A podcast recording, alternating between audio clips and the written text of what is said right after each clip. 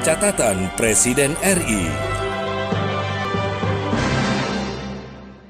Presiden Jokowi meresmikan sejumlah infrastruktur dalam kunjungannya ke beberapa lokasi di Jawa Tengah. Setelah kemarin di lintas selatan kita resmikan tiga jembatan sebagai pengganti tiga jembatan kalender Hamilton.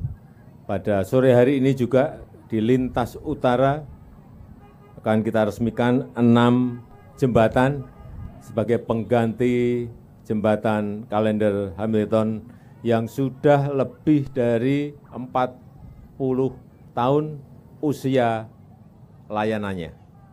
Memang sudah tidak layak dan karena beban berat yang setiap hari melintas jembatan-jembatan ini perlu pengganti yang baru sehingga bebannya menjadi lebih baik dan mobilitas orang, mobilitas barang, mobilitas logistik itu bisa berjalan dengan cepat di atasnya.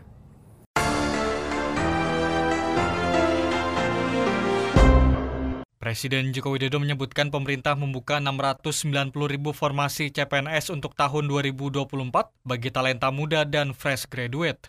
Pemerintah memberikan kesempatan bagi para lulusan baru atau fresh graduate dengan membuka formasi CPNS tahun 2024 sebanyak 690 ribu orang yang tersebar di instansi pusat 207 ribu dan di instansi daerah 483 ribu.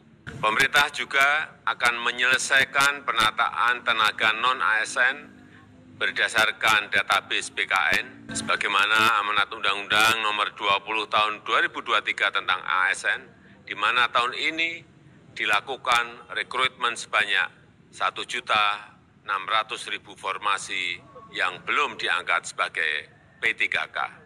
Formasi-formasi tersebut akan dialokasikan untuk guru dan dosen tenaga kesehatan, serta tenaga teknis sesuai dengan kebutuhan. Sehingga tahun ini pemerintah akan membuka rekrutmen calon aparatur sipil negara sebanyak 2 juta 300 formasi. Melalui kesempatan ini saya mengundang saudara-saudara talenta-talenta muda hebat Indonesia untuk memanfaatkan peluang rekrutmen calon ASN tahun 2024 dan menjadi bagian dari semangat reformasi birokrasi serta pelayanan publik yang berdampak dan lebih baik.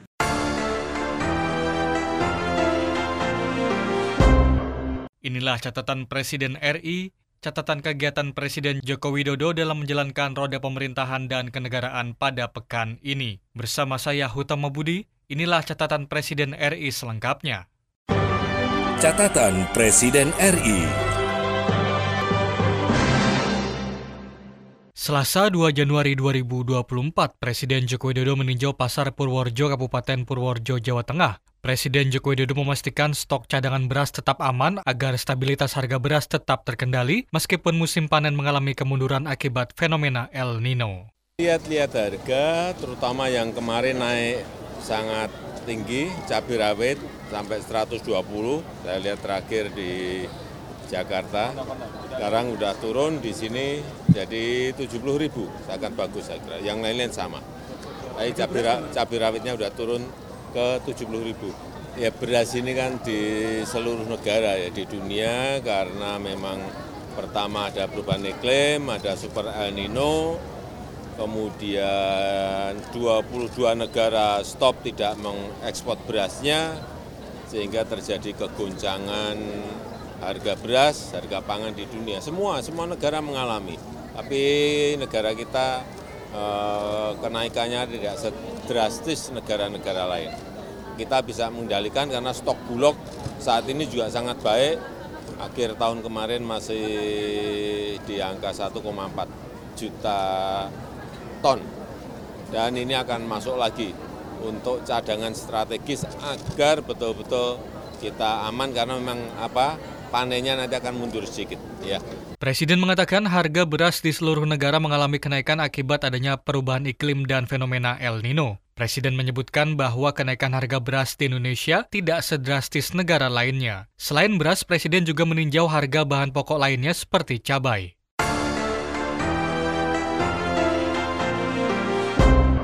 Presiden Joko Widodo meresmikan empat terminal penumpang tipe A di Pulau Jawa pada Selasa 2 Januari 2024. Presiden mengapresiasi telah selesainya pembangunan empat terminal penumpang tipe A di Pulau Jawa. Keempat terminal tersebut yaitu Terminal Purworejo di Kabupaten Purworejo, Terminal Mendolo di Kabupaten Wonosobo, Terminal Purboyo di Kota Madiun, dan Terminal Patria di Kota Blitar. Presiden meyakini keempat terminal ini akan memberikan dukungan sarana dan prasarana transportasi serta meningkatkan konektivitas antar kota, kabupaten hingga provinsi. Sehingga transportasi massal, transportasi umum harus terus didorong.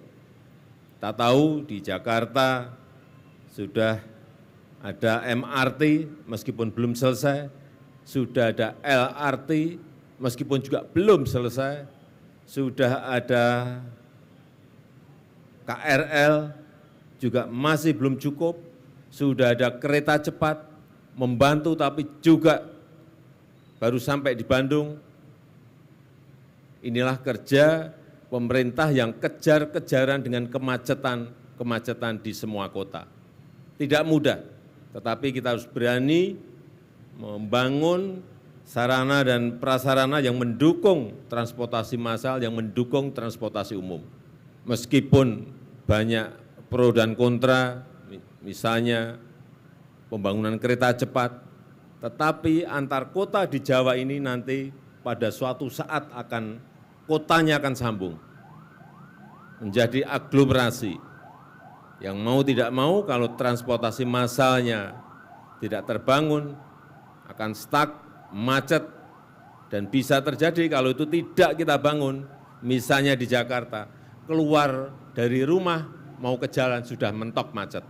Oleh sebab itu saya sangat menghargai pembangunan terminal, empat terminal oleh Kementerian Perhubungan di Purworejo, di Wonosobo, di Madiun, di Blitar, karena ini akan memberikan dukungan sarana dan prasarana transportasi, meningkatkan konektivitas antar kota, antar kabupaten, antar provinsi. Mestinya yang namanya terminal bus itu ya seperti ini. Tadi saya sudah lihat ke dalam. Kalau dulu yang namanya terminal bus, image-nya adalah preman. Ini sudah harus sudah hilang. Terminal bus adalah tempat pelayanan, juga memberikan dukungan kepada peningkatan ekonomi, UMKM, harus semuanya terlibat di dalamnya. Presiden Joko Widodo juga mendorong agar pembangunan terminal tidak hanya dilakukan di daerah Jawa saja, tapi juga di daerah lain di tanah air. Presiden menegaskan hal itu dilakukan agar setiap terminal penumpang memiliki standar pelayanan dan fasilitas yang sama.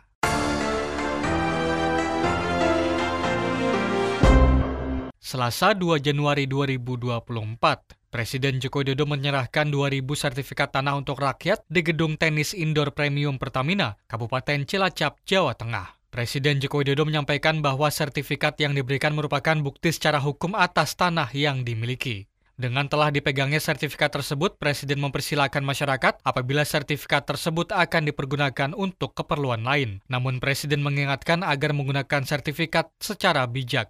Di sini juga ada semuanya, nama pemegang haknya siapa, ibu siapa atau bapak siapa, luasnya ada di sini.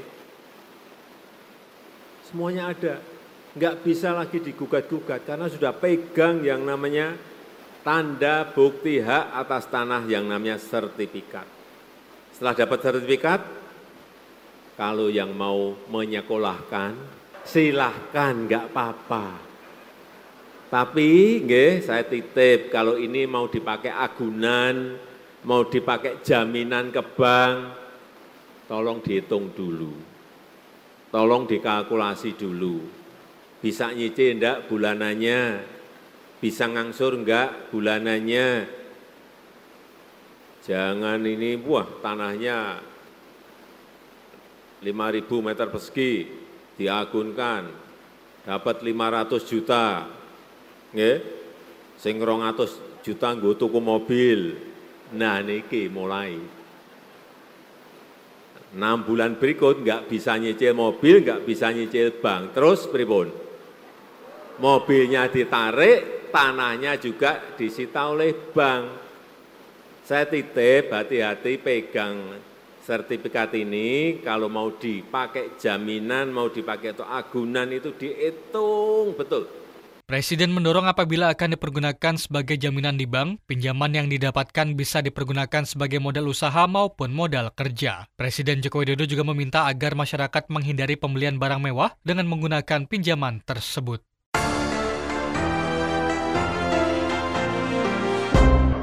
Presiden Joko Widodo pada Selasa 2 Januari 2024 mengunjungi gudang Bulog Gumilir, Kabupaten Cilacap, Provinsi Jawa Tengah. Presiden Joko Widodo memastikan ketersediaan cadangan beras yang tersimpan di Cilacap. Selain meninjau dan memastikan ketersediaan cadangan beras, Presiden Joko Widodo turut menyapa masyarakat yang hadir. Presiden ingin memastikan penyaluran bantuan pangan cadangan beras pemerintah CBP sejumlah 10 kg berjalan dengan baik. Dalam kesempatan itu Presiden juga menekankan penyaluran bantuan tersebut akan terus dilaksanakan hingga bulan Maret 2024. Lebih lanjut, Presiden menyebutkan bantuan serupa bisa dilanjutkan hingga bulan Juni 2024 dengan melihat kondisi APBN.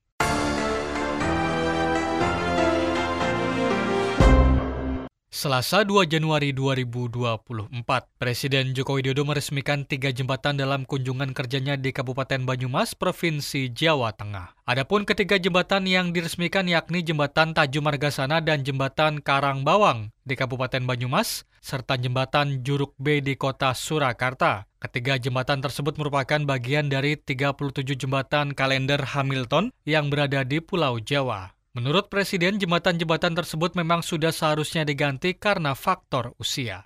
Di Pulau Jawa ini ada 37 jembatan kalender Hamilton yang harus diganti karena umur layanannya sudah melebihi 40 tahun. 37 jembatan. Dan pada hari ini kita akan meresmikan tiga jembatan yang telah selesai di Provinsi Jawa Tengah, yaitu jembatan Tajum Margasana di Banyumas, ini senilai 72 miliar. Kemudian yang kedua jembatan Karang Bawang juga di Banyumas senilai 89 miliar dan jembatan Juruk B di Solo Karanganyar senilai 90 miliar.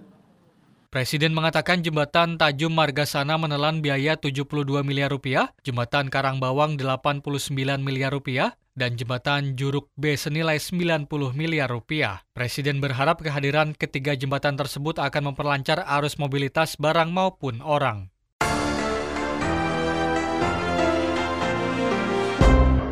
Rabu 3 Januari 2024, Presiden Joko Widodo memulai groundbreaking Kampus 2 Universitas Muhammadiyah Purwokerto di Kabupaten Banyumas, Jawa Tengah. Presiden menjelaskan pada tahun 2030-an Indonesia diperkirakan akan mendapatkan bonus demografi dengan jumlah penduduk usia produktif lebih banyak daripada non-produktif. Menurut Presiden, kesempatan tersebut perlu dimanfaatkan sebaik mungkin agar Indonesia mampu melompat menjadi negara maju. Ini saya lihat tadi desainnya juga sangat bagus, dan kita berharap memang di tahun 2030-an kita akan mendapatkan yang namanya bonus demografi.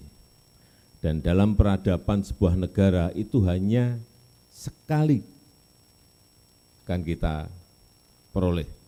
Dan biasanya sebuah negara kalau mendapatkan bonus demografi itu bisa melompatkan negara itu menjadi negara maju atau tidak. Diberikan kesempatan untuk melompat menjadi negara maju atau tidak. Di negara-negara Amerika Latin, tahun 50-an, tahun 60-an, tahun 70-an, mereka sudah masuk menjadi negara berkembang. Tetapi sudah 50 tahun, sudah 60 tahun, mereka tetap menjadi negara berkembang tidak bisa melompat menjadi negara maju. Kenapa? Karena tidak menggunakan kesempatan saat diberikan bonus demografi pada saat itu, usia-usia produktif pada tahun-tahun itu. Kita di tahun 2030-an, 2035-an ini akan mendapatkan bonus demografi yang kita harapkan kita bisa mengambil manfaat dan bisa melompatkan negara ini menjadi negara maju. Presiden Joko Widodo memandang perlu untuk menyiapkan talenta dan mengembangkan keterampilan ke depan agar pembangunan SDM dapat terlaksana. Tidak hanya itu, Presiden Joko Widodo juga menekankan bahwa pembangunan karakter juga menjadi kunci bagi pembangunan SDM Indonesia seutuhnya.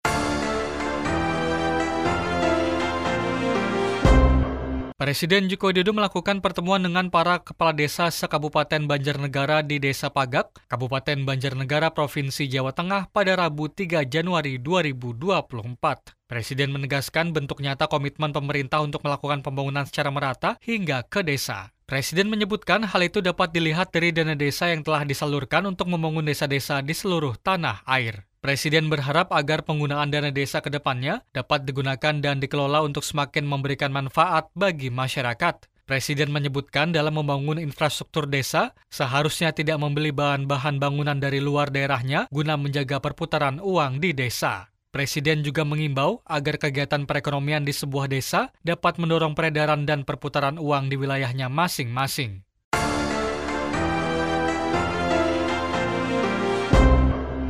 Rabu 3 Januari 2024, Presiden Jokowi memastikan bahwa di awal bulan Januari sudah mulai turun hujan, yang mana artinya kebutuhan air sudah tercukupi dan memerintahkan untuk menanam padi untuk peningkatan produksi. Hal ini dikatakannya kepada awak media usai menanam padi bersama di Kecamatan Kalibogor, Kabupaten Banyumas, Provinsi Jawa Tengah. Presiden menyampaikan bahwa keluhan petani tidak jauh dari pupuk. Namun sekarang pembelian pupuk tidak lagi memakai kartu tani, tapi dengan menggunakan KTP, bisa digunakan untuk membeli pupuk.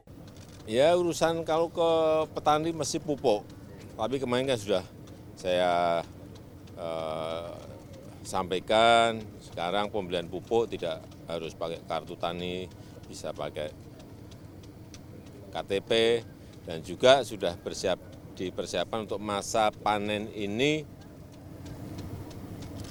1,7 juta ton pupuk dari pupuk Indonesia. Saya kira itu apa eh, mencukupi dan kita harapkan keluhan untuk pupuk tidak ada lagi. Kemudian subsidi pupuk juga saya sudah meminta ke Menteri Pertanian, Menteri Keuangan untuk mengajukan dana tambahan untuk subsidi pupuk sebesar kurang lebih 14 triliun rupiah. Ya. Presiden juga menyampaikan sudah menyiapkan untuk masa panen dari pupuk Indonesia dan berharap mencukupi kebutuhan para petani. Presiden mengatakan bahwa untuk menjadikan kembali ke peringkat dua dengan pupuknya, harus siap dan harus segera tanam padi pada awal tahun ini.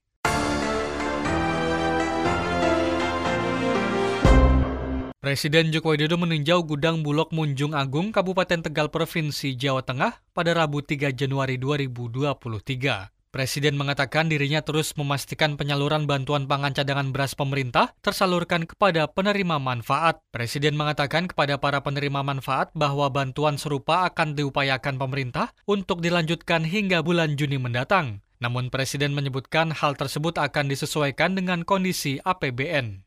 Sementara itu turut mendampingi Presiden Joko Widodo antara lain Menko PMK Muhajir Effendi, Menteri Ketenagakerjaan Ida Faujia, Menteri Pekerjaan Umum dan Perumahan Rakyat Basuki Hadi Mulyono, Menteri Pertanian Amran Sulaiman, Menteri Perhubungan Budi Karya Sumadi, Panglima TNI Jenderal Agus Subianto, Kepala Badan Pangan Nasional Arief Prasetyo Adi, PJ Gubernur Jawa Tengah Nana Sujana, dan Bupati Tegal Umi Aziza.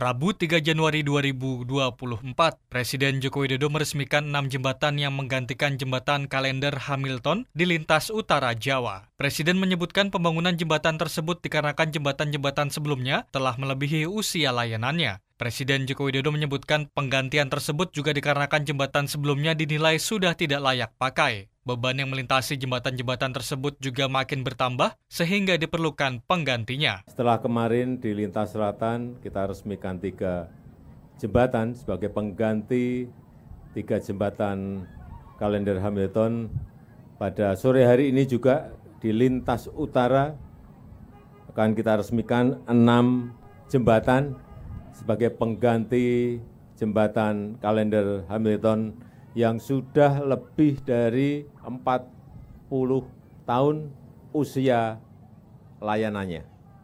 Memang sudah tidak layak dan karena beban berat yang setiap hari melintas jembatan-jembatan ini, perlu pengganti yang baru sehingga bebannya menjadi lebih baik dan mobilitas orang, mobilitas barang, mobilitas logistik itu bisa berjalan dengan cepat di atasnya. Sementara dalam kesempatan itu, Presiden juga menyebutkan biaya yang digunakan dalam pembangunan keenam jembatan tersebut, yakni senilai 292 miliar rupiah. Adapun enam jembatan yang diresmikan Presiden Joko Widodo dalam kesempatan itu adalah Jembatan Pemali Brebes B dan Jembatan Pedes B yang masing-masing berada di Kabupaten Brebes. Jembatan Kalibanger A di Kota Semarang, Jembatan Monokerto 2A di Kabupaten Demak, Jembatan Juwana 1A di Kabupaten Pati, dan Jembatan Pang 1 di Kabupaten Rembang.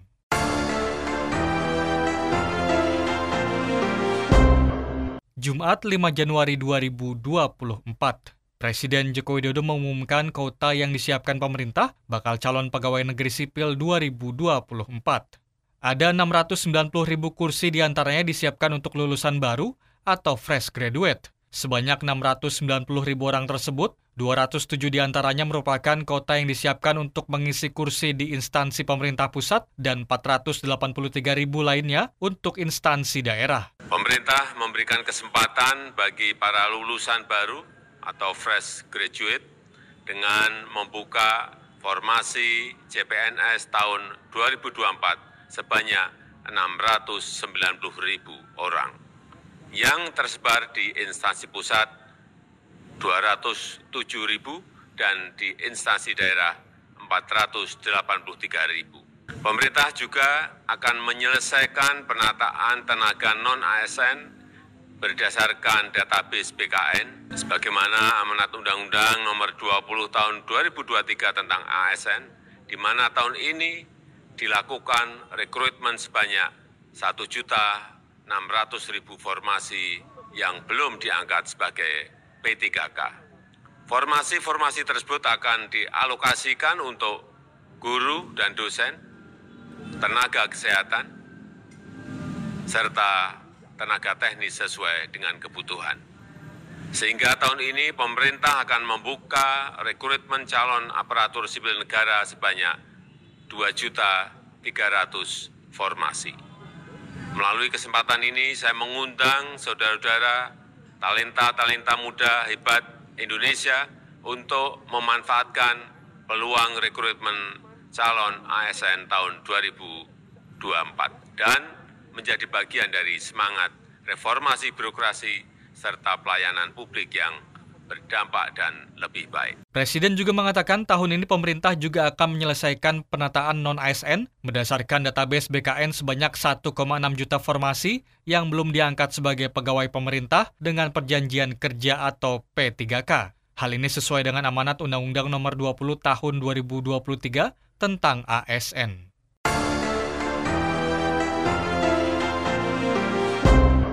Demikian catatan Presiden RI pada pekan ini, saya Hutama Budi, Muslihun dan tim liputan melaporkan.